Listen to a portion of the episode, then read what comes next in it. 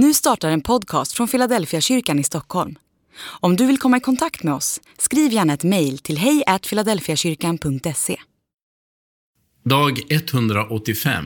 Jag, mig själv och mitt. Kom och följ mig, jag ska göra er till människofiskare. Matteus kapitel 4 och vers 19. Jag tror det var Magnus Persson, pastor för United i Malmö, som talade om vår tids nya treenighet. Jag, mig själv och mitt. Allt ljus på mig. Det behöver inte betyda att man tycker om det. En del mår bara dåligt av att alltid hålla på med sig själva, men ändå gör de det. Många talar om att vi lever i en narcissistisk kultur. Med narcissism menar man en osund självkärlek och självupptagenhet.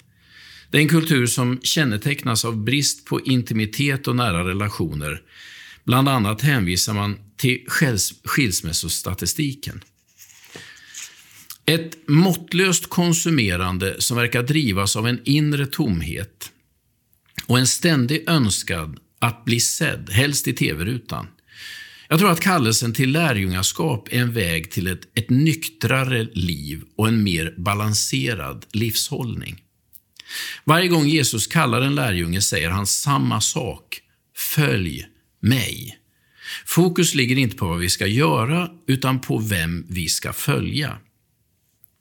Det finns något välgörande med det fokus som Jesus ger sina lärjungar.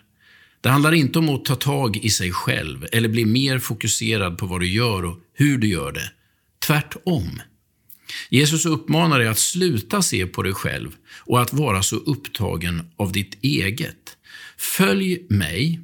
Det betyder att du behöver rikta din uppmärksamhet mot Jesus istället för mot annat. Men det är inte så att efterföljelsen låter oss förbli de vi är. Det finns ju en risk att den som inte vaktar över sig själv blir ganska odräglig med tiden. Nej, om vi följer Jesus ska han göra något med oss, säger han.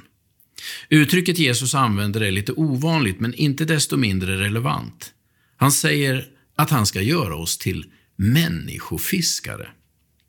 Det betyder att hans närhet och påverkan kommer att göra oss mer lyhörda för våra medmänniskor, för vad de behöver och var de befinner sig.